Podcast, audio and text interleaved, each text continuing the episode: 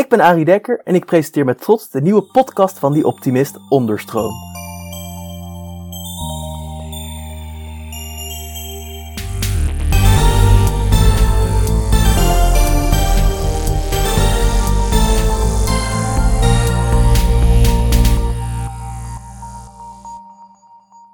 Hallo iedereen! Zoals altijd bieden wij om de week een podium aan mensen en ideeën die meer aandacht verdienen.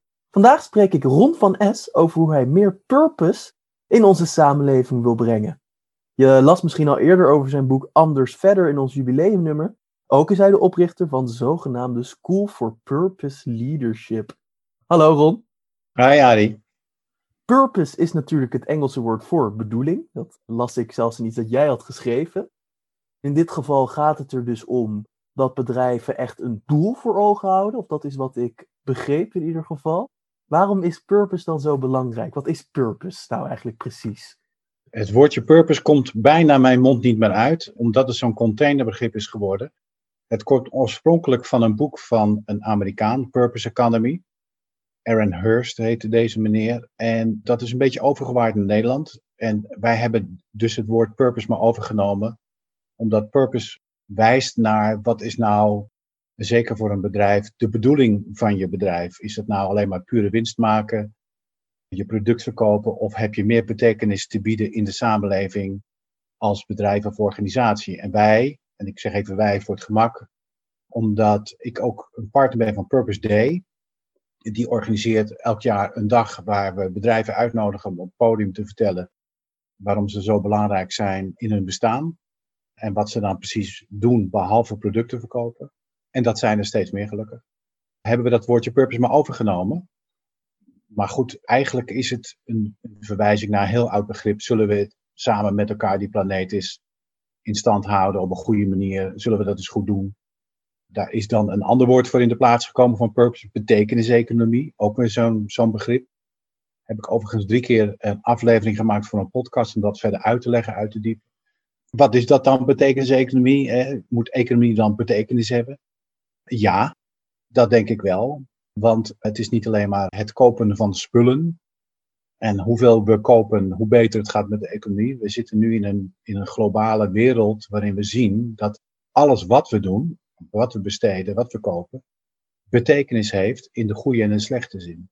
De goede zin, goh, we hebben allemaal een stukje welvaart te verdelen op deze wereld. Daarmee zorgen we ervoor dat de armoede in de wereld minder wordt. Tegelijkertijd zie je met die enorme welvaart hier in het Westen dat de verdeling verkeerd is. Dat heel veel mensen lijden onder ons koopgedrag. als wij hele goedkope t-shirts hier kopen, of we kopen goedkope koffie, of we kopen goedkope paprika's.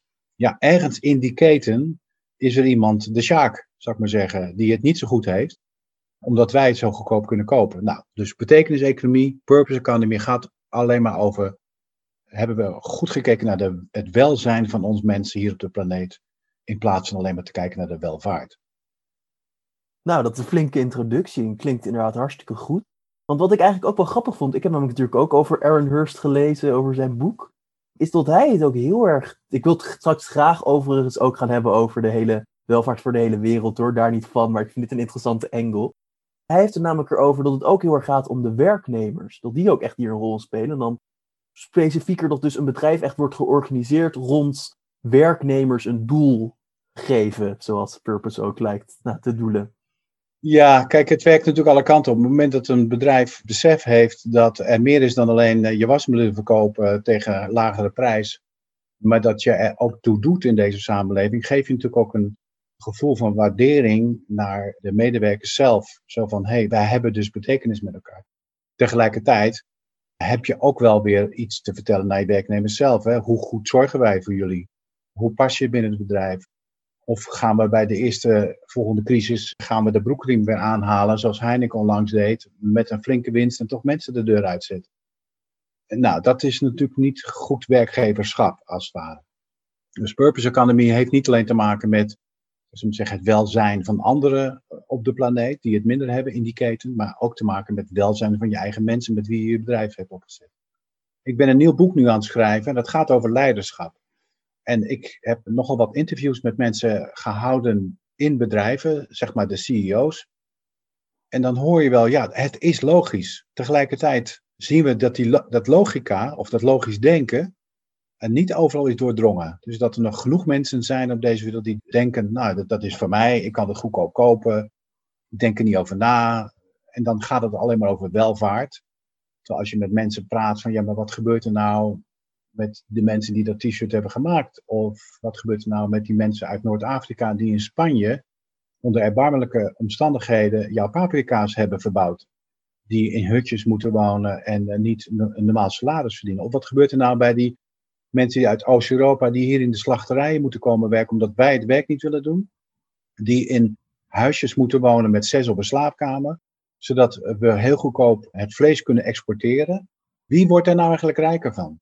En dan blijkt het maar een handjevol mensen daar rijker van te worden. En denken we eigenlijk niet verder na dan ons eigen bord eten. Heftig. Jezus, en inderdaad altijd een klein groepje maar. Maar dat is natuurlijk ook een beetje, denk ik, nou echt wel deel geworden van onze wereld. Natuurlijk, hetzelfde als de American Dream. Het is altijd een handjevol.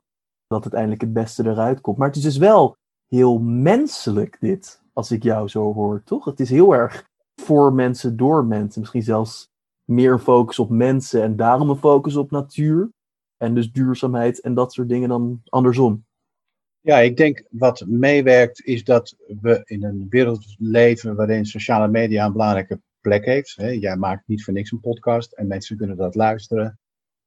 Dus we weten van de verhalen. En we weten ook van bedrijven die het goed en niet goed doen. En het is mijn taak, mijn rol, zo zie ik dat in ieder geval voor mezelf, om daarover te schrijven, om erover na te denken, om, om daar soms korte films over te maken. Want daar kom ik vandaan. Ik ben televisiemaker geweest. Of podcasten maken om erover te vertellen. En binnen School for Purpose Leadership, je haalt het al aan, spreek ik en begeleid ik ook mensen die als, nou, ik noem het even voor het gemak, purpose leader uh, optreden of willen zijn in hun eigen onderneming, in hun eigen bedrijf. Wat verwachten we nou van elkaar van deze wereld? Als we zien dat het goed gaat voor een klein deel van de mensheid, en niet goed gaat voor een groot deel van de mensen. Nog even afgezien van wat we de natuur aan doen. En de klimaatcrisis die nu op ons afkomt, waar we voor het gemak misschien soms onze ogen maar even versluiten, omdat we midden in de coronacrisis zitten. Dus er is genoeg te doen, en genoeg te zien, te genoeg te luisteren, genoeg te bekijken. En gelukkig zie ik wel een omslag bij mensen, omdat ze daar toch ook wel reëel in gaan zijn. Zo van ja, dit kan ook eigenlijk niet zoals we het nu hebben georganiseerd die enorme economische groei, die bestaat eigenlijk niet. Die economische groei hebben we dan nodig volgens de economen om ons bestaan hier in Nederland of in het westen van de wereld in stand te houden. Maar is eigenlijk niet in stand te houden. We zullen dus moeten veranderen. Zo'n boodschap klinkt altijd een beetje als Jesse Klaver bij GroenLinks. Een beetje zo'n saaie boodschap en zo'n sippige boodschap van eh, kom op nou, uh, geniet van het leven. Dat doe ik ook gelukkig. En tegelijkertijd vind ik het belangrijk om om ons heen te kijken. Hoe willen we de wereld nou eigenlijk achterlaten? In mijn geval voor mijn kleinkinderen. Ja. Ja, weet je wat interessant namelijk is? Dit is iets dat mij opvalt. Hè? Ik maak nu al een tijdje podcast. Er zijn een paar geweest over duurzaamheid, maar misschien valt onze luisteraars ook op. Het zijn er wat minder, maar dat doe ik met een reden, want het zijn bij verre de minst populaire podcasts. Het klinkt heel hard, maar ja, het is wel echt zo ik ben dan altijd echt heel enthousiast. Een hele mooie verhalen. Ook uh, was uh, iemand die me vertellen over hoe dus dingen in telefoons helemaal niet goed zaten, weet je. En dat dat gewoon maar wordt weggeluid. Hoe ga jij dan, zeg maar, met zo'n purpose economy, hoe ga je dan om met mensen die eigenlijk niet eens hun ogen weren, maar gewoon ervan weten en geen zin er meer in hebben? Want zo, voelt het voor mij altijd een beetje. Dat ze een beetje nat zijn. Ik richt me vooral op positieve verhalen. Bijvoorbeeld, de winnaar van de Purpose Day Award vorig jaar is Auping. Alping is een matrassenfabrikant. Zij hebben gezegd, ja, wij, wij zien gewoon hoeveel matrassen er weg worden geflikkerd. Daar willen wij toch iets mee. Dus die hebben een circulaire matras ontworpen die echt uit elkaar gehaald kan worden en weer opnieuw gebruikt. Nou, het is voor hen een avontuur, want gaan zij daar nu zoveel van verkopen? Zij varen echt tegen de stroom in, ook in hun eigen omgeving. En toch zijn ze heel enthousiast over dat verhaal dus het is een mooi verhaal hoe zij voorop willen lopen om ja, in feite een goed product te maken, het goed te doen.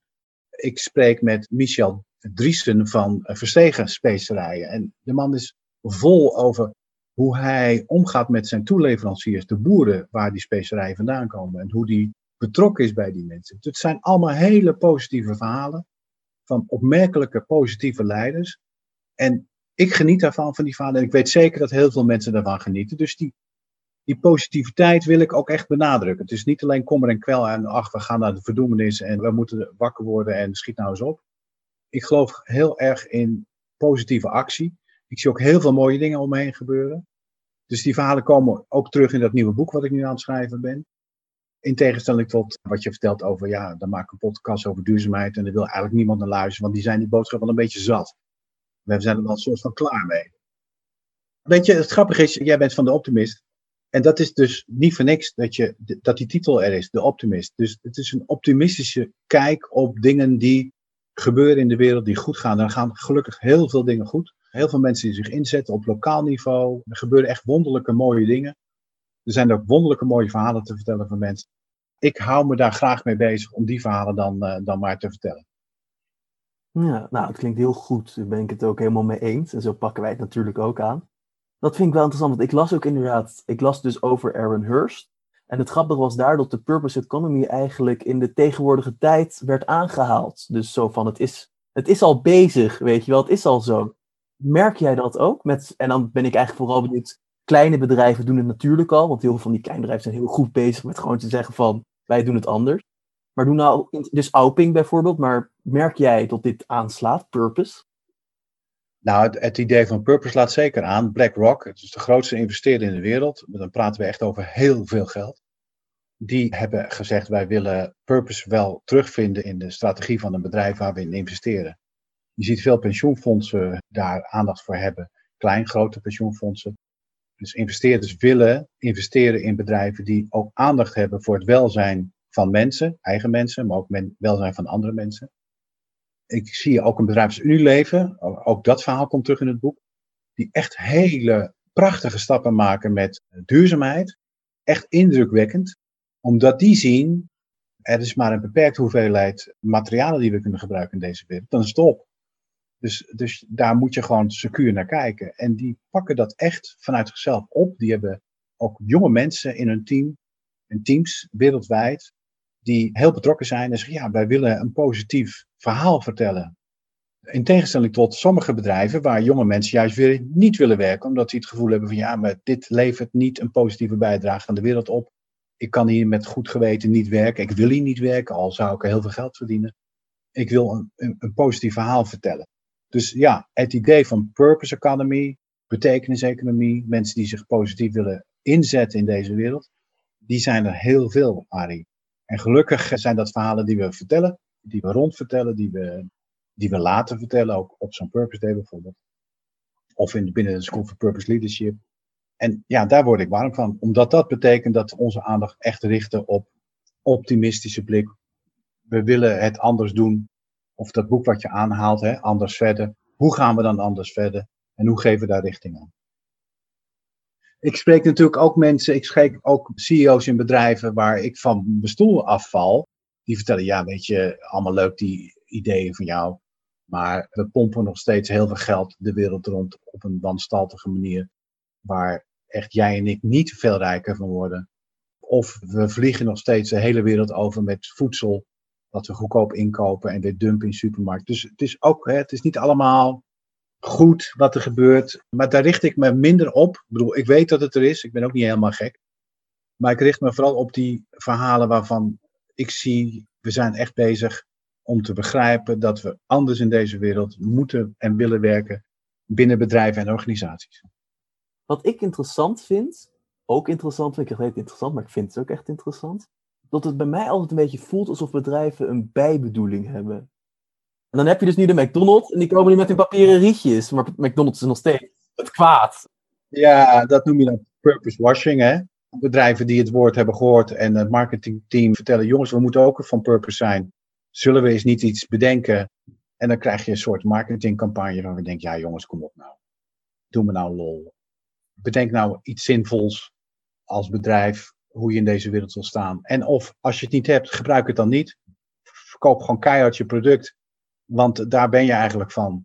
Maar ga mij nou niet vertellen dat de wereld hier veel beter van wordt omdat jullie dit doen. Ik kan voorbeelden noemen, dat doe ik nu even niet. Maar die zijn er zeker. Maar jij merkt dus hopelijk ook wel dat er bedrijven zijn, en ook echt grote bedrijven, dus bijvoorbeeld Unilever, die dit ook gewoon echt doen uit een eigen nou, drijfveer? Of is het toch wel een beetje gedwongen toch? Nee, het is van twee kanten. Ik noem dat een, een idealistische en een pragmatische kant. Idealisten, dat zijn ook wel bedrijven die, die zien, het kan zo niet verder omdat we de planeet uitputten, of omdat we eh, mensen slecht betalen, of omdat we alleen maar bezig zijn met verrijking. En er is een pragmatisme.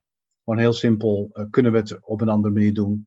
Unilever komt met nieuwe producten die goedkoper kunnen worden geproduceerd op een duurzamere manier. Dan ben je wel dom als je het niet doet. Dus dat businessmodel is gewoon heel goed georganiseerd door hen. Dus dat is dat, die pragmatische kant. Een ander voorbeeld is en die sprak ik eh, langer geleden, Stegeman, de worstenfabrikant, die begrepen, de, ja, we kunnen op deze voet niet verder. We kunnen niet in die hele vleesketen op deze manier zo bezig zijn. Om idealistische reden, maar ook om pragmatische reden. Omdat ze het gevoel hadden van ja, we kunnen wel de red race naar beneden maken door nog goedkoper vlees te dumpen in de supermarkten. Dat redden wij niet als fabrikant. Wij willen echt een omslag maken. En die komen nu met een strategie om binnen nu en zoveel jaar 50% van hun producten vegetarisch te maken. Dus dat is een enorme omslag die ze hebben gemaakt. Dat is niet zonder slag of stoot, dat is best ingewikkeld. Ze hebben ook nog een keer een moederbedrijf die ze moeten dan eh, overtuigen van ja, maar dit is echt onze nieuwe strategie. Maar met trots kunnen ze dat vertellen. Met trots hebben ze dat ook verteld op Purpose Day. Met trots kregen zij van ons de Purpose Day Award. Waar ze een beetje flabbergasted over waren. Van, gewoon waarom wij? En wij zeiden van, nou, jullie zijn echt helden. Omdat jullie in zo'n vaststaand gegeven als een vleesproducent toch hebben gezien dat het anders moet, anders kan, want jullie doen het ook. Dus we zien jullie echt als voorbeeld. En het grappige is, doordat ze die Purpose Day Award van ons kregen, konden ze dat, wilden ze dat verhaal vertellen. Want eerst dachten ze, ja, dit is niet een verhaal wat je nou, ja, wie zijn wij nou, bij wijze van spreken. Maar toen konden ze het verhaal vertellen. En het fascinerende is dat dan andere mensen ineens gaan luisteren. Van wacht eens even, wat doen die jongens anders dan wij? Hebben die het licht gezien ergens? Ook weer om die pragmatische redenen verkoopt Stegeman straks meer producten vegetarisch dan vleesproducten. Een goed businessmodel. Why not?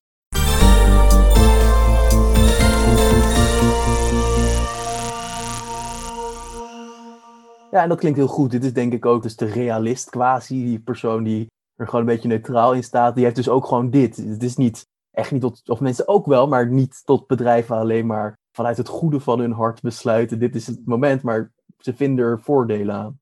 Nou ja, je begon net ook over logisch, logisch denken. Dit is ook logisch denken. Waarom zouden we het niet op deze manier doen? Als we weten dat we iets uitputten, waarom zouden we geen andere slag gaan maken? Waarom zouden we niet de andere kant uitkijken en een ander businessmodel bedenken? En dat heeft enorm veel voordelen gehad op dit moment voor Stegeman. En gaat het nog meer krijgen. Voor Unilever ook. Ja, het is een logica. En een hele terechte logica. Want hoe jij zegt dus tot het mogelijk is om met dit soort modellen meer inkomsten te krijgen. Toch, als ik nou elke film of whatever zie, is het toch altijd een beetje de indruk dat dat niet mogelijk is. Waarom is, hoe is dat mogelijk? Heb je een mooi voorbeeld misschien? Hoe doet Unilever dat? Hoe doet Stegeman dat? Wat veranderen zij om hier toch winst uit te halen?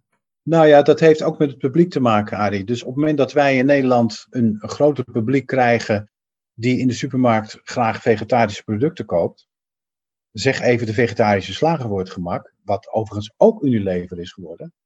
Die hebben natuurlijk een lange aanloop gehad. Die zijn lang bezig geweest om hun product te verkopen. En eerst kijken wat meewarig. Hoezo vegetarische slager? Wat, wat is het dan? Een gebbetje, een grapje. Nee, het is serieus bedoeld. En ze kregen echt marktaandeel. Unilever zag dat, koopt dat over. En wil daar echt een marktaandeel mee creëren. Omdat jij en ik, ik ken even voor jou niet, maar omdat, zou zeggen, het Nederlandse publiek meer vegetarisch wil eten. Je krabt achter je oren, je denkt, oké, dat is een interessant marktaandeel, dat wil ik hebben. Op die manier ben je net zo goed pragmatisch als Unilever ziet niet alleen pragmatisch, we moeten duurzamer worden, want we putten de planeet uit, maar ook onze consumenten die houden van duurzame producten, die kiezen hiervoor. Die willen misschien zelfs iets meer betalen omdat ze begrijpen, omdat ze het verhaal begrijpen. Dan ben je dom om daar niet in te stappen, om te denken, nou daar heb ik, heb ik niet zoveel mee te maken. Dus het is een pragmatische aanpak en een idealistische aanpak. Hey, want dat vind ik ook interessant. Hier zegt inderdaad, er wordt dus een steeds grotere vraag ook voor dit soort dingen, wat het dus winstgevend maakt.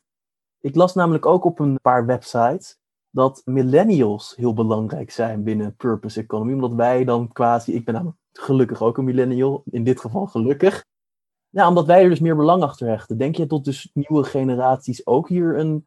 Of denk je toch, ja, wie is hier het belangrijkste in, zeg maar, op dat gebied? Welke consument is degene die hier verandering brengt? Het grappige fenomeen is, je hebt de babyboomers, dan heb je generatie I, dan heb je de millennials en dan heb je nu generatie Z. Die nieuwe generatie, generatie Z, die is, die is een, dat is een belangrijke generatie aan het worden, omdat die het echt heel erg anders gaat doen dat hij ook wel begrijpt, hoe willen wij leven in deze wereld die, we, die wij aangeboden krijgen van de babyboomers en de generatie X, moet ik zeggen, de generatie X. En jij bent generatie Y overigens. Hoe hebben die dit georganiseerd? Zijn we daar blij mee? Nee, daar zijn we niet blij mee. En terecht zijn ze er niet blij mee, want er is nogal veel eh, naar de kloten geholpen, zou ik maar zeggen, door die generaties. Dus die generatie Z, die gaat jou overtoepen, millennials. Die gaan er met gestrekt been in, omdat ze zien maar dit willen wij helemaal niet. Dit soort wereld, deze manier van aanpak, die willen we niet. En nou is het ook wel lastig, omdat het een generatie is die moeilijk te bereiken is soms. Kijk even naar de verkiezingen uh, afgelopen keer. Zij deden net mee of deden net niet mee. Het is niet hun wereld. Het is niet hun manier van doen. Dus zij zullen een eigen rol opeisen om verandering die nodig is te bewerkstelligen ik heb goede hoop op deze generatie, generatie Z. Waar de millennials het soms nog een beetje bij laat liggen. Wel omdat ze gevoel hebben van wij willen anders. Maar ook wel een beetje tussen hoop en wanhoop in zitten. Jullie als generatie moeten maar zien te overleven in een wereld waar het niet makkelijk is om aan huis te komen op dit moment. Waar het niet makkelijk is om werk te krijgen waar instituten, die worden bewoond door de babyboomers en de generatie X, jullie komen daar niet tussen. Het is een hele grote populatie van mensen die in die leidinggevende posities zitten, die zich niet van die stoel laten duwen. Dus het is best lastig voor millennials om een eh, voet tussen de deur te krijgen. En generatie Z, ja, heeft daar scheid aan. Die loopt eroverheen of die doet een eigen ding. En die heeft, hoezo instituten? Wij geloven helemaal niet in instituten. Ik vind het dan wel toch jammer altijd eigenlijk. Waarom moet er nou echt een nieuwe generatie komen om dit te veranderen? Heb jij er enig idee om waarom nou niet gewoon... Waarom, ja, niet per se om vingers te wijzen hoor, want nu ga ik zeggen babyboomers, maar dat is echt niet zo van de babyboomers, het is hun schuld. Maar waarom kan dit niet binnen één generatie worden gefixt? Waarom kan Purpose niet, ja, ook voor hun al een doel hebben in hun leven? Ja, ja, je ziet, eh, wat een leuk fenomeen is dat eh, zeg maar, generatie Z en een deel van de millennials kunnen het heel goed vinden met de babyboomers. Omdat babyboomers, ja dat is grappig, die zijn natuurlijk al een stuk ouder. Of die zijn, eh, wie weet wel, met pensioen. En die zien van, ja, wat laat ik eigenlijk na? Ben ik eigenlijk blij met, met wat we nalaten? Dan krijgen we misschien wat schuldgevoel. I don't know, er gebeurt iets bij die mensen. Of wordt er wakker, of de, krabben zich achter de oren. En die kunnen het heel goed vinden met die nieuwe generatie omdat die ook zien van ja, we willen eigenlijk de wereld niet nalaten op deze manier aan jullie zoals die nu is. Dus wat kunnen we samen nog bewerkstelligen?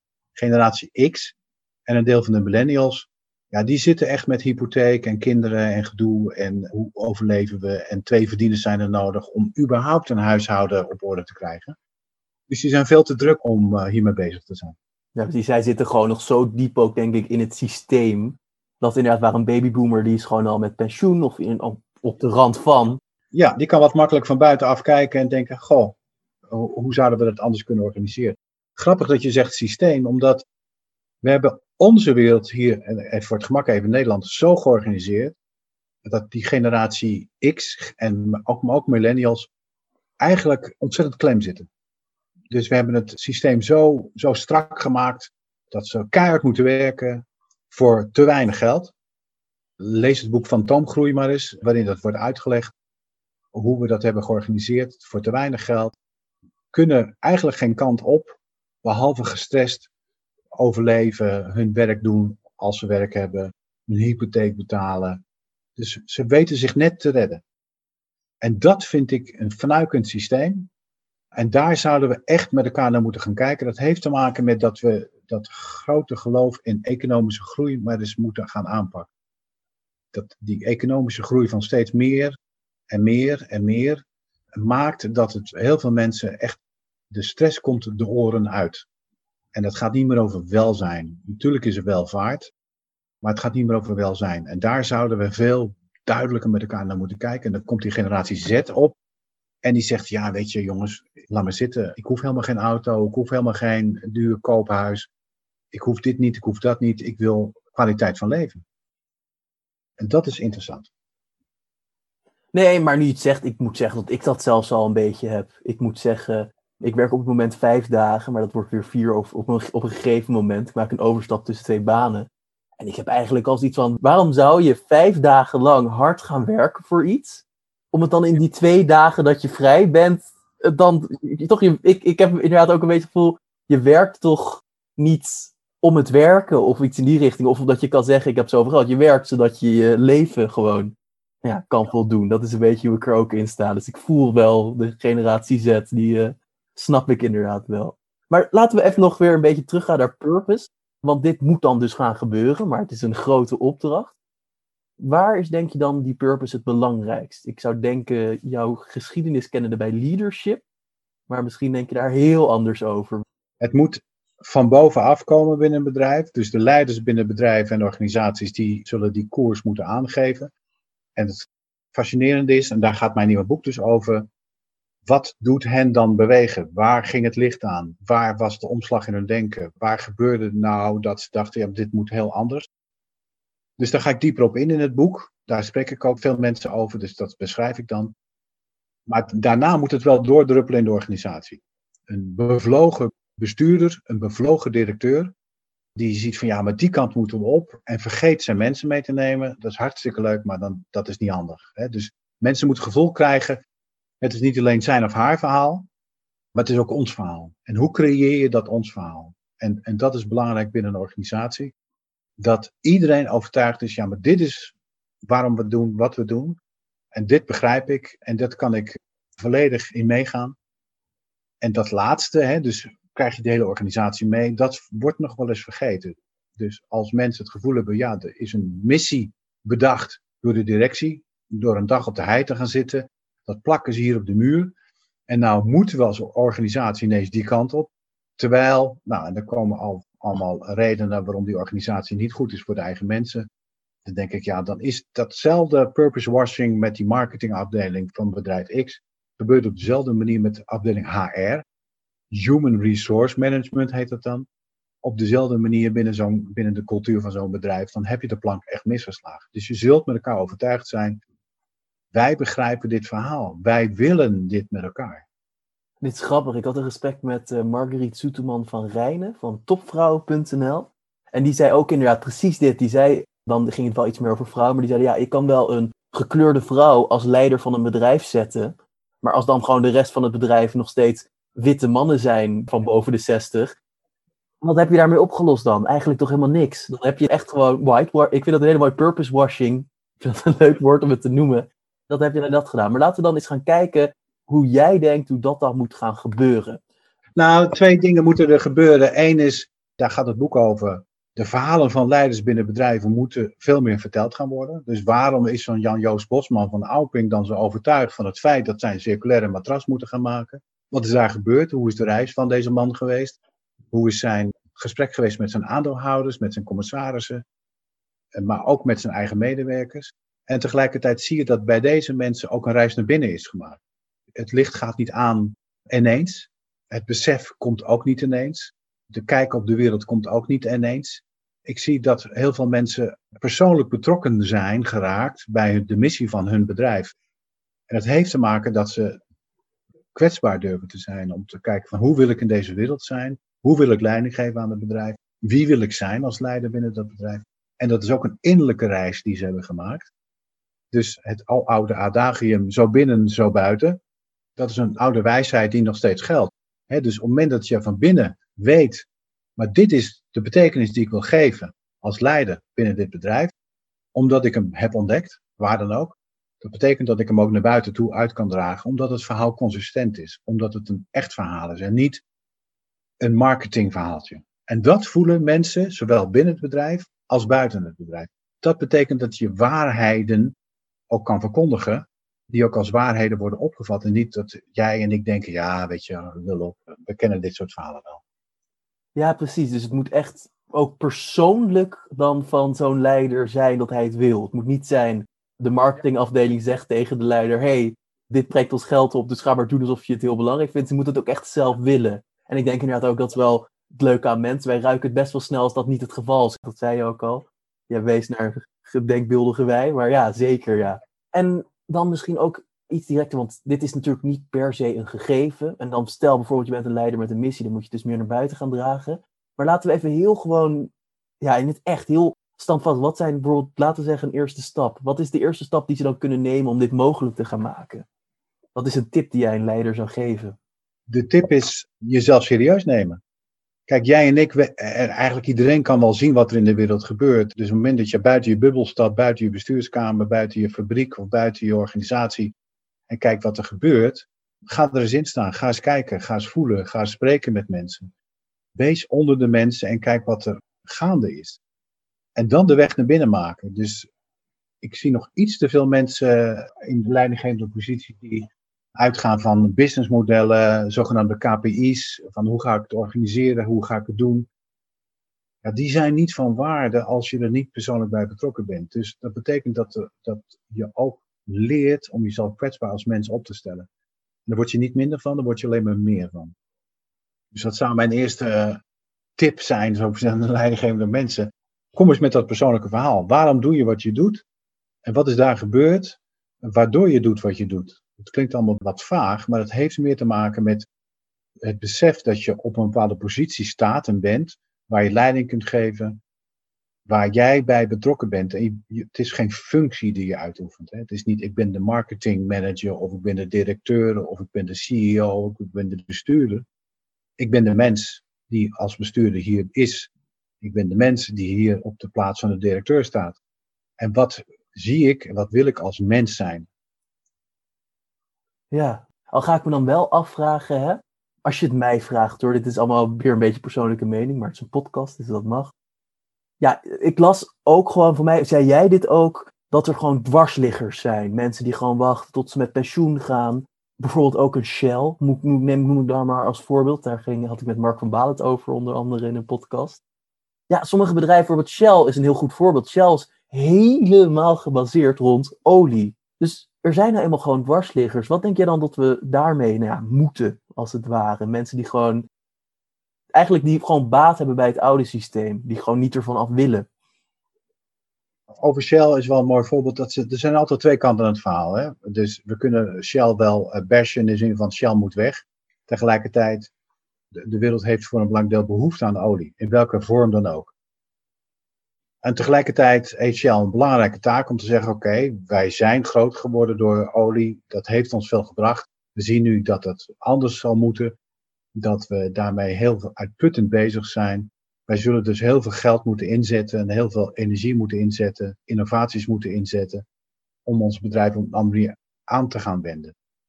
Dat doen ze niet of onvoldoende, omdat ze aandeelhouderswaarde willen creëren, omdat die aandeelhouders denken, ja, weet je, hoeveel, hoeveel geld krijg ik terug van mijn aandeel?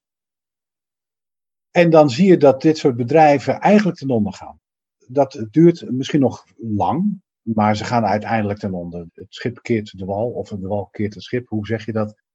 Uiteindelijk zal Shell ten onder gaan. Hè? Een soort, iemand zei, dat, is de, dat zijn de dinosauriërs van het bedrijfsleven. Ander voorbeeld is wat van de week bekend werd, Danone, grote Franse fabrikant, foodproducten. Ja, yoghurt. Ik uh, altijd als jonge jongen nog uh, Danone yoghurtjes uit de vriezer. Daar heb je een, een bestuurder, een vrouw die uh, belangrijk vindt om Danone voor goed ook te laten zijn. Dus Danone is niet alleen maar voor pure winst, maar wat kunnen we voor de wereld betekenen. Dit is een kleine actieve groep aandeelhouders met een hele grote mond. Die vinden dat ze te weinig voor een aandeel krijgen die lukt het om deze manier van zijn stoel te schuiven en te zeggen, we, gaan, we moeten het anders gaan doen, we moeten weer aandeelhouderswaarde creëren. Dus deze meneer is richting deur gezet van uh, u kunt gaan en, en Danone richt zich weer op puur winstgeven. Dit zijn achterhoedegevechten. Dit zijn bedrijven die ten onder gaan uiteindelijk, omdat en de wereld wil anders, consumenten willen anders, dat zullen ze voelen en merken. En tegelijkertijd het is een manier van denken die misschien welvaart creëert voor een kleine groep aandeelhouders, maar die zullen zich een grote groep van eh, mensen tegen zich vinden, kiezers, consumenten, burgers, wereldbewoners, die zien van ja, maar wij worden hier niet beter van. Er is een kleine groep mensen die heel rijk wordt op dit moment en een grote groep mensen die minder, in mijn geval minder krijgt en een grote groep mensen waar het heel slecht mee gaat. Dus uiteindelijk creëren we een wereld met elkaar die het slecht heeft en in opstand zal komen. Dus het is dom, zou ik maar zeggen. Het is niet logisch nadenken, het is dom dat dit gebeurt en het gebeurt nog steeds inderdaad. Dus eigenlijk wel mooi weer om te zien, het probleem gaat zichzelf wel een beetje oplossen. En dat is geen reden om niks te doen, maar... Ja, ja, het probleem lost zich op twee manieren op. En dan krijg je dat zure verhaal eh, van jouw duurzaamheidspodcast. De wereld gaat ten onder. Nou, dat verhaal wil je liever niet vertellen. We storten met z'n allen het in. Of we zien dat er andere dingen nodig zijn. We zien dat we de welvaart eerlijker moeten verdelen. Dat het niet alleen maar over groei moet gaan, maar ook over hoe willen we zijn als samenleving, als wereld. Hoe willen we zorgen voor elkaar? In alle optimisme, in alle liefde ook. Want dat is grappig, hè? dat woord wordt weinig gebruikt. Terwijl het gaat natuurlijk allemaal over liefde. En liefdevol zijn met elkaar op een positieve, heldere, goede manier. Nou, prachtig. Dat zeg je heel mooi. Ik denk ook dat het een hele mooie afsluiter is van de podcast. Ik wil je heel erg bedanken. Je hebt een hele mooie visie erop. Ik kijk ook uit naar je nieuwe boek. Hou me graag op de hoogte wanneer die uitkomt, et cetera. Dan, zal ik hem, uh, dan plak ik hem later nog bij de podcast als een link. Prima.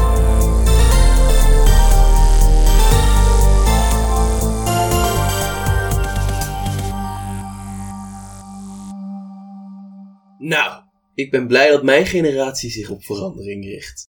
Hoe belangrijk vind jij de bedrijfethos bij het kiezen van een baan?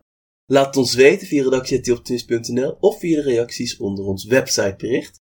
Wie weet zetten we je dan in het zonnetje in ons luisteraarsegment Luisteraar Bits.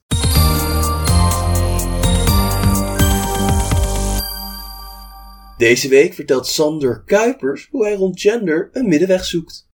Voor een trotse nieuwe vader sneed deze aflevering zeker hout. Het is voor mij en mijn partner een moeilijk dilemma in hoeverre wij onze dochter echt dochter moeten gaan laten zijn. Misschien een goed idee om eens Rebel Lucia naar voren te lezen als ze wat ouder is. Al heel goed dat je er zo mee bezig bent, Sander.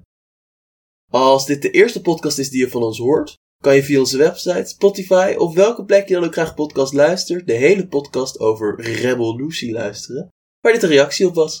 In deze podcast vertelt Marcia Man hoe het tijd is om neutraliteit een rol te laten spelen in een door gender gekleurde opvoeding en hoe haar boek hier een rol in kan spelen. Ook zouden we het waarderen als je een positieve review achterlaat op Apple Podcasts. We zijn over twee weken weer, maar in de tussentijd hoef je natuurlijk niet met je duimen te gaan zitten draaien. Zo kan je het nieuwste nummer van die Optimist 198 lezen, met als thema zwart-wit denken. Zit jij comfortabel in je eigen bubbel, of durf je je open te stellen voor andere meningen? De Optimist 198 rekent af met polarisatie en zoekt de tussenweg naar grijs. Als laatste wil ik ook nog Anouk Wolf bedanken voor het maken van de muziek bij deze podcast.